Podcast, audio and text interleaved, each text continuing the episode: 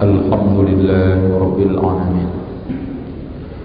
والصلاة والسلام على أشرف الأنبياء والمرسلين. محمد وعلى آله وصحبه أجمعين. والحمد لله رب العالمين. Ikhwas sekalian Kita lanjutkan sisa makalah. Ahli sunnah wal jamaah adalah orang yang mengikuti sunnah Rasul Sahabat kesepakatan mereka Dan yang telah diukir oleh tabi'in dan imam sunnah. Lawan dari bid pada itu ahlil bid'ah. Maka siapapun yang menyelisihi Alkitab wa sunnah Menyelisihi ijma' Tidak bisa dikatakan ahli sunnah. Makanya ikhwan Kenapa syiah dikatakan ahli bid'ah? Karena menyelisih ijma' sahabat. Quran Para sahabat sepakat telah sempurna. Orang syiah mengatakan Quran kurang. Para generasi salaf sepakat bahwa sahabat itu udul, adil. Orang syiah mengatakan Kebanyakan murtad menyelisih. Orang Syiah mengatakan yang eh, orang in ahli sunnah mengatakan bahwa yang paling berhak menjadi khalifah setelah Rasulullah adalah Abu Bakar, Umar, Utsman, kemudian Ali.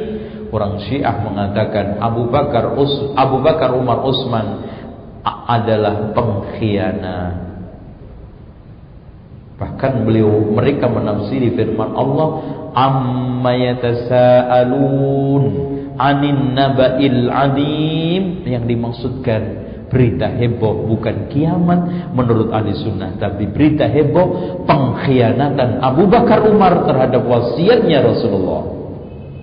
Amma yatasa'alun tentang apa mereka bertanya-tanya? Anin naba'il adim tentang berita heboh besar al-qiyamah. Kan gitu. Adanya orang Syiah pengkhianatan Abu Bakar Umar dan Utsman terhadap wasiatnya Rasulullah. Oke, gimana? Kita bisa katakan ahli sunnah. Begitu juga jamaah tabligh dan yang lainnya. Maka kita baca sekarang pemahaman komprehensif tentang ahli sunnah yang dikemukakan Abdullah ibnu Mubarak yang dinukil oleh Imam Al Barbahari sumber kesesatan 72 firqah yang dikatakan dalam hadis Rasulullah لا ليأتين على أمتي ما عدا على بني إسرائيل حذو النعل بالنعل. لو كان منهم من أتى أمهم على نية لكانت من أمتي يفعل ذلك. وستفترك أمتي على ثلاث وسبعين فرقة كلها في النار إلا واحدة. رسول الله mengatakan akan datang pada umat ini seperti yang datang pada Bani Israel. Seperti sandal ketemu pasangannya. Persis. Kalau seandainya Bani Israel mendatangi ibunya di tengah jalan, maka umatku akan menirunya juga. Tasyabuh. Bahkan besarnya tasyabuh sampai kepada tingkatan ya ikhwan. Rasulullah mengatakan la tattabi'unna sanana man kana qablakum shibran bi shibrin dira'an bi dira'in law dakhalu jukhra dabbin la dakhaltumuh. Masuk Sejengkal demi sejengkal, sehasta demi sehasta. Sampai tadi kalau seandainya ada Bani Israel mendatangi zina ibunya di tengah jalan, umatku akan meniru. Dan umatku akan pecah menjadi 73 golongan. Semuanya masuk neraka kecuali satu. Disebutkan dalam Ibnu Majah Al-Jamaah di dalam Sunan At-Tirmidzi ma'ana alihi wa ashabi. Siapa saja yang berprinsip di atas saya dan di atas ajaran sahabat saya. Makanya ma'ana sehingga kaidah ahli sunnah wal jamaah adalah ma'ana alihi wa ashabi. Oleh karena itu ya ikhwan, siapa pun yang klaim kita uji dengan itu. Kalau dia cocok ahlan wa sahlan, kalau tidak Anda harus terus menyesuaikan. Kalau cocok ahlan wa sahlan, Anda min ahli sunnah, walau lam a'rifka, walaupun saya enggak pernah kenal kamu. Kalau tidak, anda harus terus menyesuaikan. Kalau menolak, ingat membangkang. Anda min ahlil bidah.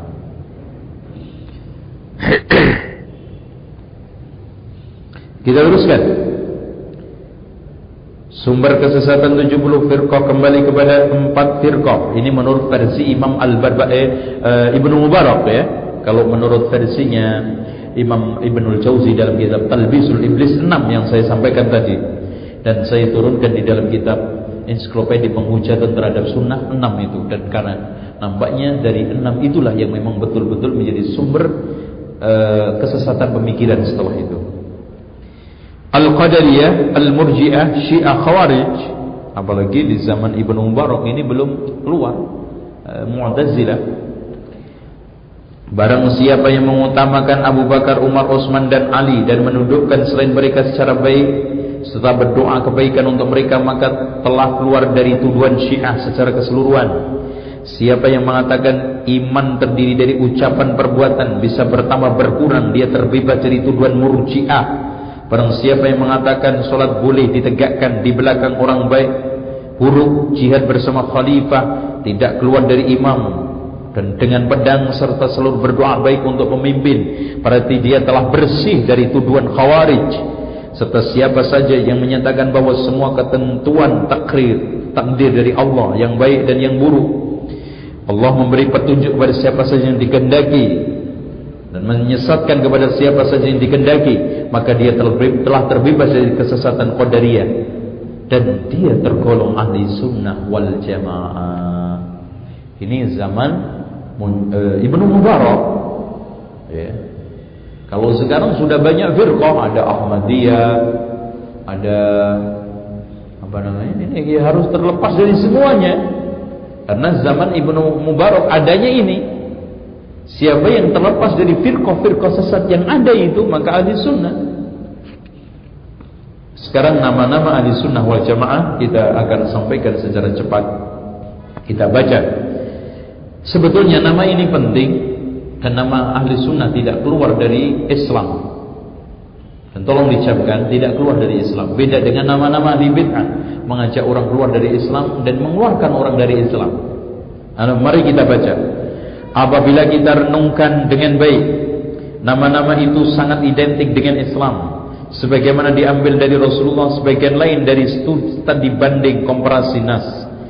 Berbeda dengan nama-nama dan sebutan ahli bid'ah kebanyakan menisbatkan penisbatan mereka kepada nama-nama tokoh seperti Jahmiyah dinisbatkan kepada Jaham bin Sofwan, Zaidiyah nisbat kepada Zaid bin Ali bin Hussein, Kullabiyah dinisbatkan kepada Abdullah ibn Kullab, Karramiyah Abdul Hasan e, dinisbatkan kepada Al-Karrami, Al-Ash'ariyah dinisbatkan kepada Abdul Hasan Al-Ash'ari. Itu salah tulis ya atau nama dan sebutan tersebut dinisbatkan kepada akar bid'ah. Contoh Rafidah karena penolakan imamahnya Zaid. E, dan menolaknya imamnya e, kekhilafahan Abu Bakar Umar. Nawasib Qadariyah karena dia ingkar takdir. Sufi karena dia menggunakan pakaian suf. Suf itu pakaian yang terbuat dari bulu-bulu domba. Ya.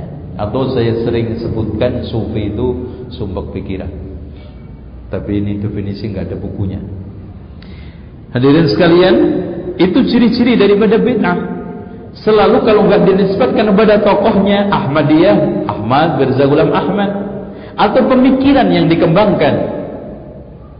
Adapun ahli sunnah nama-namanya imma diambil dari Quran sunnah atau diambil dari semakna dengan sejalan dengan Quran sunnah.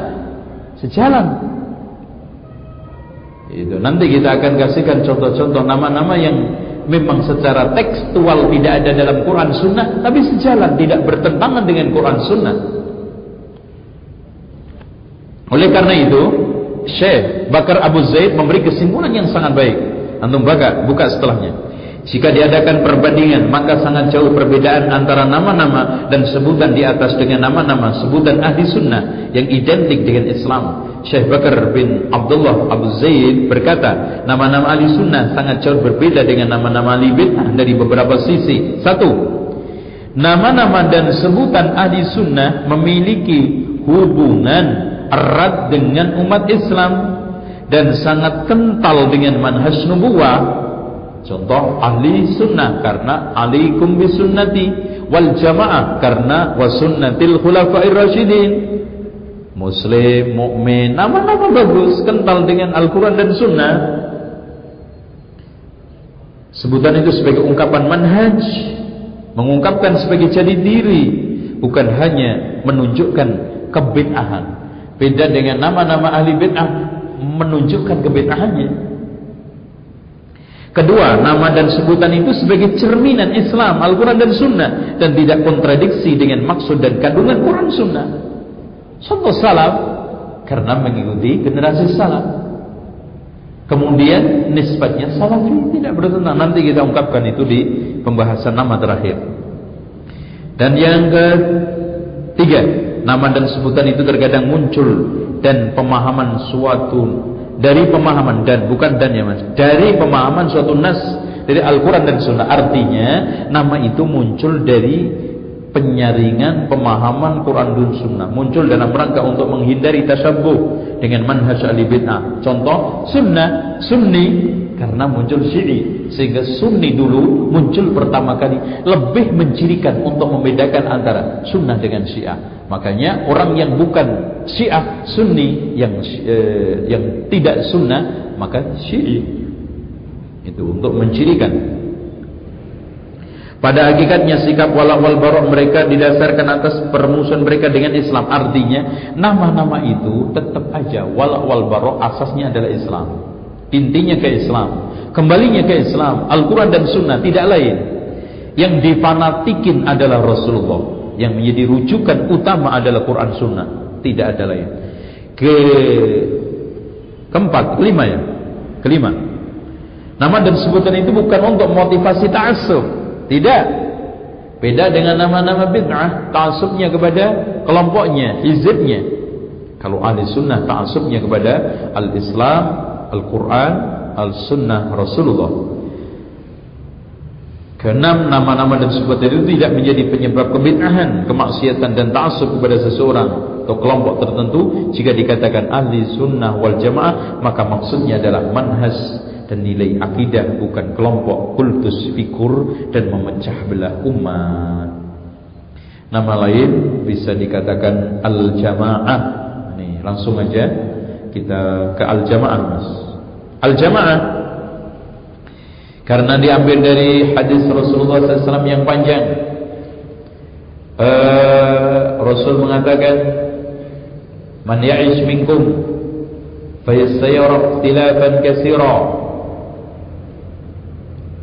Siapa yang di antara kalian Hidup Akan melihat perselisihan yang sangat banyak Alaikum bisunnati wa sunnatil khulafair rasyidin Ini hanya sekedar makna Adapun yang jelas Rasulullah sallallahu alaihi wasallam mengatakan di dalam hadis yang sahih ستفترق أمتي على ثلاث وسبعين فرقة كلها في النار إلا واحدة وقيل من هي يا رسول الله الجماعة dalam lafaz lain Rasulullah mengatakan sayakhruju min ummati aqwamun يتجارى بهم الأهواء تتجارى بهم الأهواء كما يتجارى الكلب بصاحبه.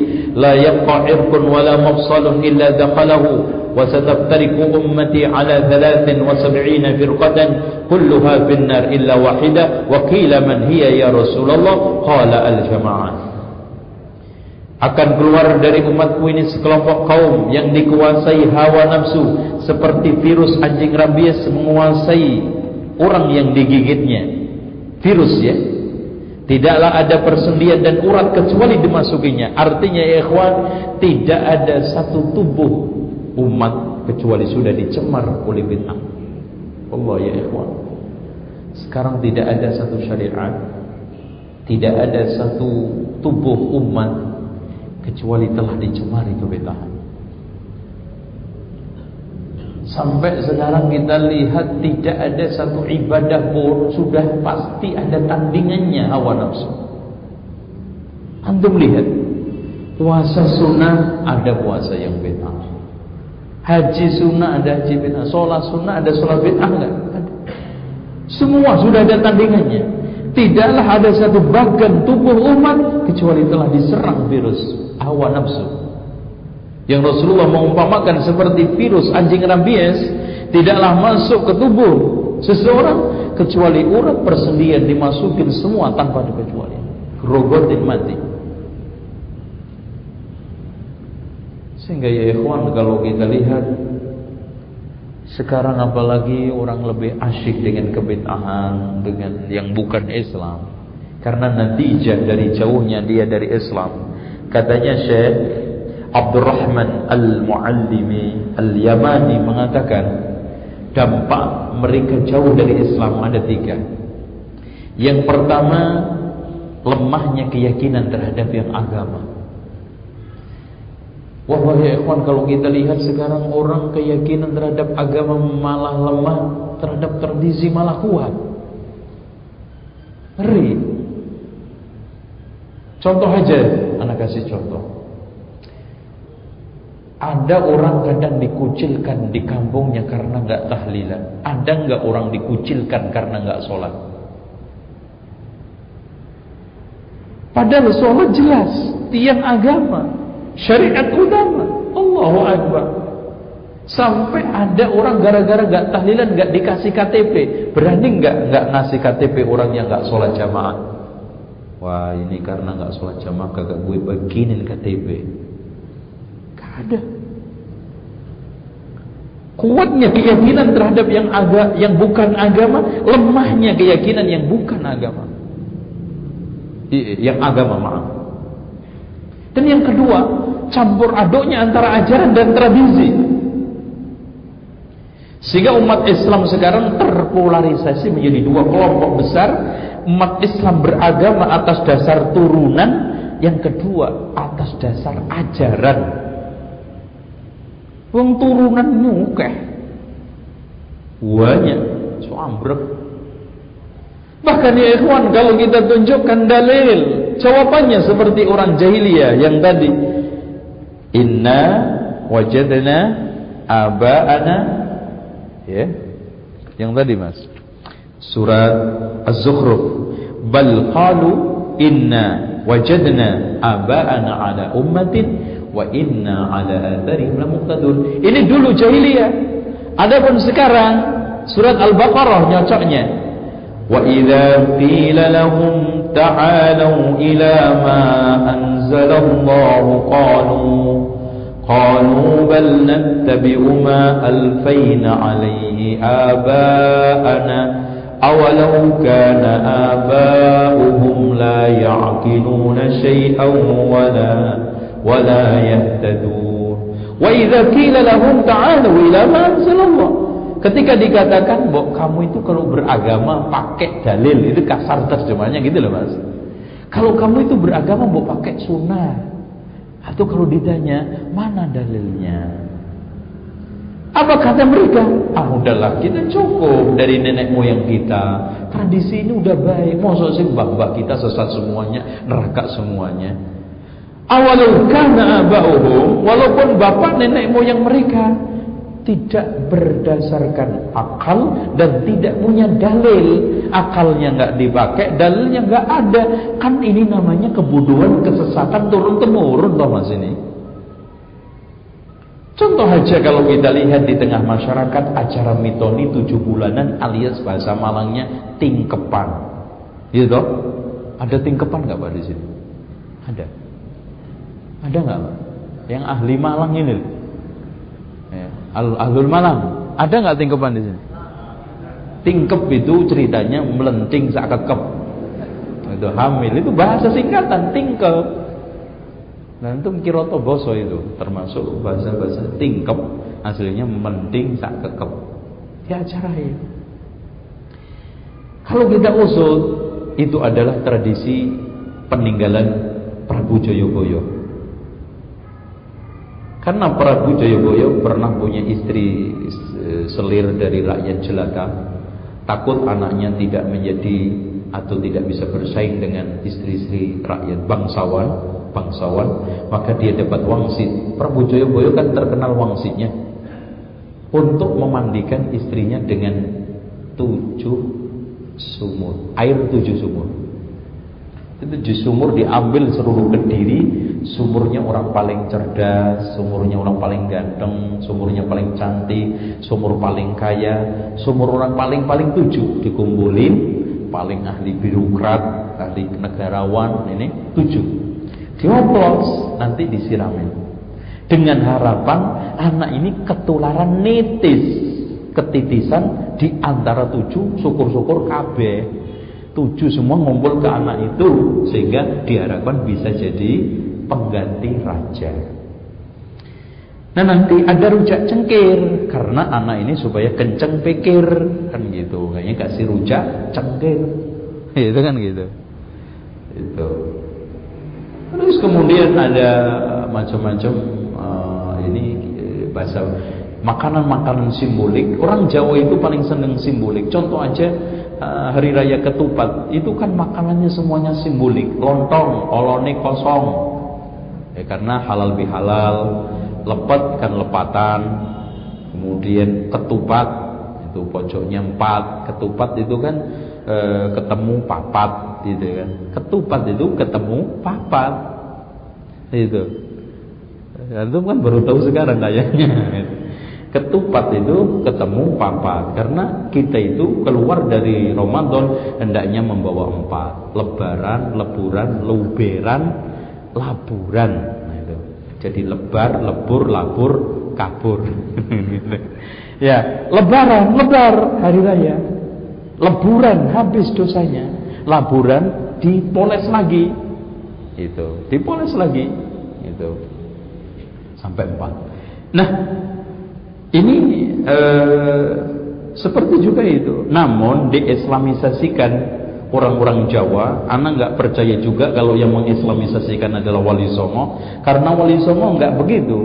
Apalagi kalau kita membaca kitab Syekh Siti Jenar karangan Profesor Dr. Hasan Simon, generasi Wali Songo 1 2 3 itu bagus, sunnah. Generasi Maulana Malik Ibrahim sunnah, generasi pimpinan Wali Songo Raden Rahmat sunnah, Sunan Giri Sunnah. Nah, baru nyeleweng generasi keempat Sunan Kalijogo, pemaduan Islam sinkritis, budaya lokal yang yang katanya bagus dipertahankan dipadu dengan Arab yang yang yang datang sehingga sinkritis. Sebetulnya Mas Wali Songo itu bukan manusia sakti yang dipahami orang Jawa sudah keliru. Kesan Wali Songo manusia sakti sehingga kalau jadi dai atau kiai nggak sakti nggak diakui. Ini keliru Wali itu tim. Makanya wali sembilan artinya tim sembilan yang dikirim oleh Abdul Hamid pertama untuk membantu Jawa yang perang Paregrek membuat kocar kacir dan berantakan Jawa dibantu untuk membenahi sembilan orang dikirimkan. Ada yang ahli birokrasi tata negara seperti Maulana Malik Ibrahim ahli pertanian irigasi ahli perekonomian ahli kelautan karena mari. Tapi sayangnya sembilan itu nggak ada yang ahli agama alias ulama. Sehingga Islamnya ya seada-adanya ini sehingga kalau ada orang mengatakan bahwa ajaran Wali Songo adalah final, itu keliru. Harus dirombak, bahkan harus kita terus uh, sempurnakan. Nah, tim tim sembilan pimpinan Maulana Malik Ibrahim pertama kali Maulana Malik Ibrahim Al-Maghribi turunnya di Surabaya, kuburannya di Gresik.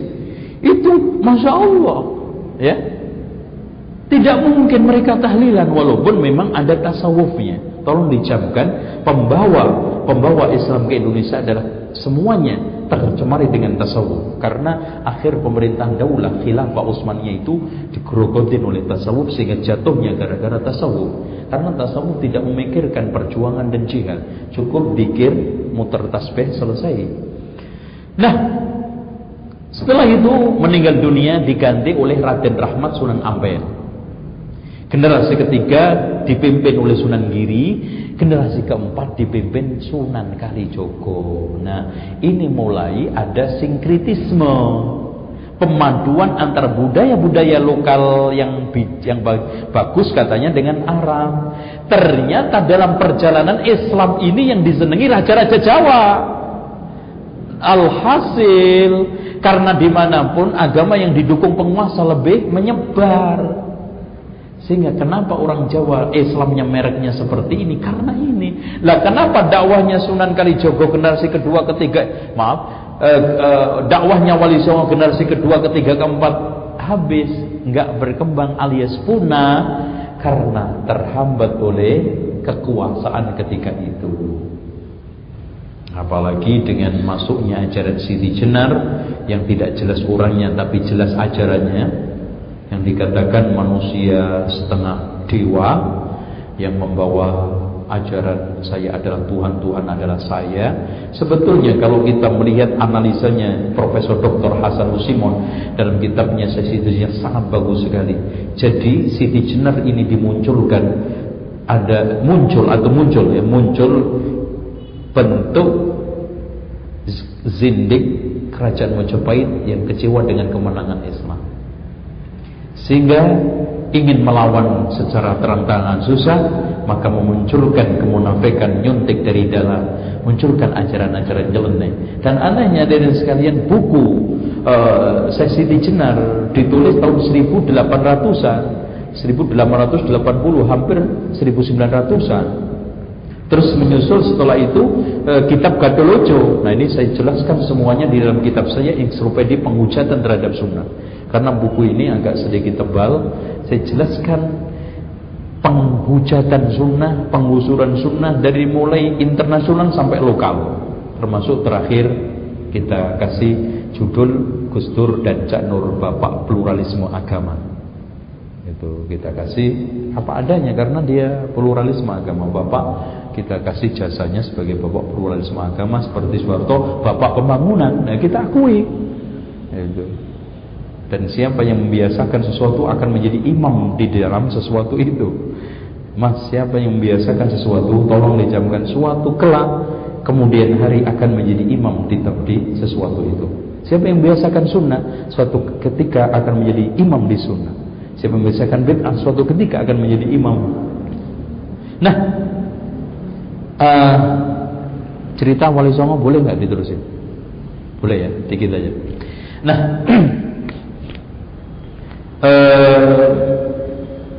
Sunan uh, ini buku Gatolojo, tafsir Gatolojo kitab paling purno dan paling jelek dan betul-betul kitab Wahdatul Wujud mengaktualisasikan ajaran Sayyidi Bahkan ketika dia dialog dengan tukang sabit, anak dua, Noyo sama Suto, eh Tuhan kamu itu pemecah belah umat. Ada muslim, ada kafir. Tuhan saya ini bagus, merangkul semua umat. Iya kan gitu. Tuhan kamu itu Tuhan nggak benar memecah belah umat. Ada muslim, ada kafir. Itu katanya Allah itu dituduh memecah belah umat karena membagi manusia menjadi muslim, kafir. Itu. Agama saya itu agama rasa. Ada pahit, ada asin, ada gurih, ada pedas. Jadi ada agama perasaan. Dan intinya kita rilis di situ semua. Jadi gerakan ingkar sunnah kita jelaskan uh, gerakan-gerakannya di situ. Gerakan zindik saya angkat pertama kali uh, Siti Jenar, keduanya uh, kitab Gadolojo sama Darmo Gandul. Gadolojo Darmo Gandul ini nampaknya figur fiktif. Gadolojo ini ceritanya anak bangsawan raja yang kecewa dengan kondisi. Kemudian lelono, lelono itu ngumboro pergi mengkeluar dari kerajaan sing dan ceritanya dia ini cerdas, orang pinternya gedung langit pokoknya. Nah ketemu dengan Darmo Gandul yang akhirnya dijadikan menjadi pembantunya. Jadi Darmo Gandul ini pembantunya. Jadi Darmo Gandul sama Adulojo ini e, satu ungkapan di mana sindik di Indonesia itu dan aliran-aliran kebatinan kalau kita lihat akhwat sekalian berkembang sebagai bentuk kekecewaan non muslim terhadap perkembangan Islam yang tidak bisa menunjukkan permusuhan terang-terangan sehingga membuat satu gerakan-gerakan yang merusak.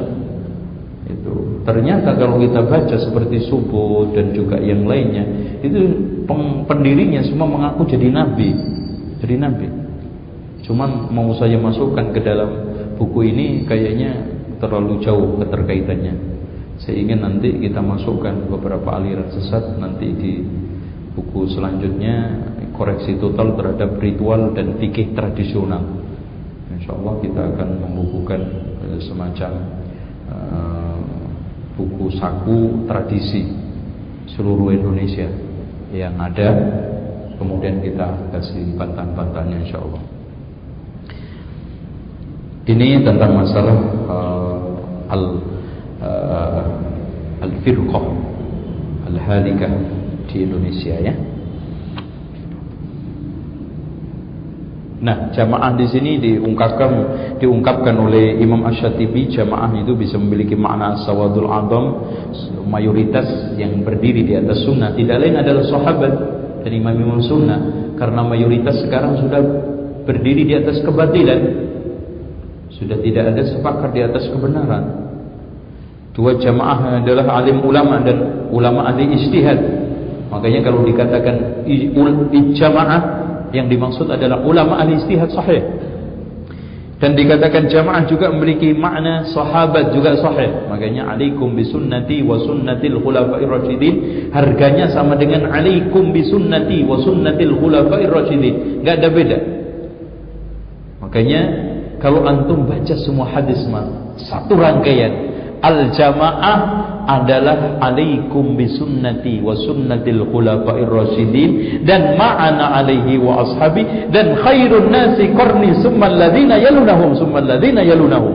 Kagak ada beda. Kalau ditanya jamaah itu siapa? Khairun nasi qarni summa alladhina yalunahum summa alladhina yalunahum. Terus kemudian siapa? Ma'ana alaihi wa ashabi kemudian siapa an'amta alaihim Siapa an'amta alaihim? Wa man yuti'ir rasul wa man yuti'illaha war rasul fa ulaika ma'al ladina an'ama Allahu alaihim minan nabiyyin wasiddiqin wasyuhada wassalihin. Masya-Allah ya ikhwan. Makanya al-jamaah firqatun najiyah termasuk an'amta alaihim yang kita minta tiap hari. سبحانك اللهم وبحمدك أشهد أن لا إله إلا أنت أستغفرك وأتوب إليك والسلام عليكم ورحمة الله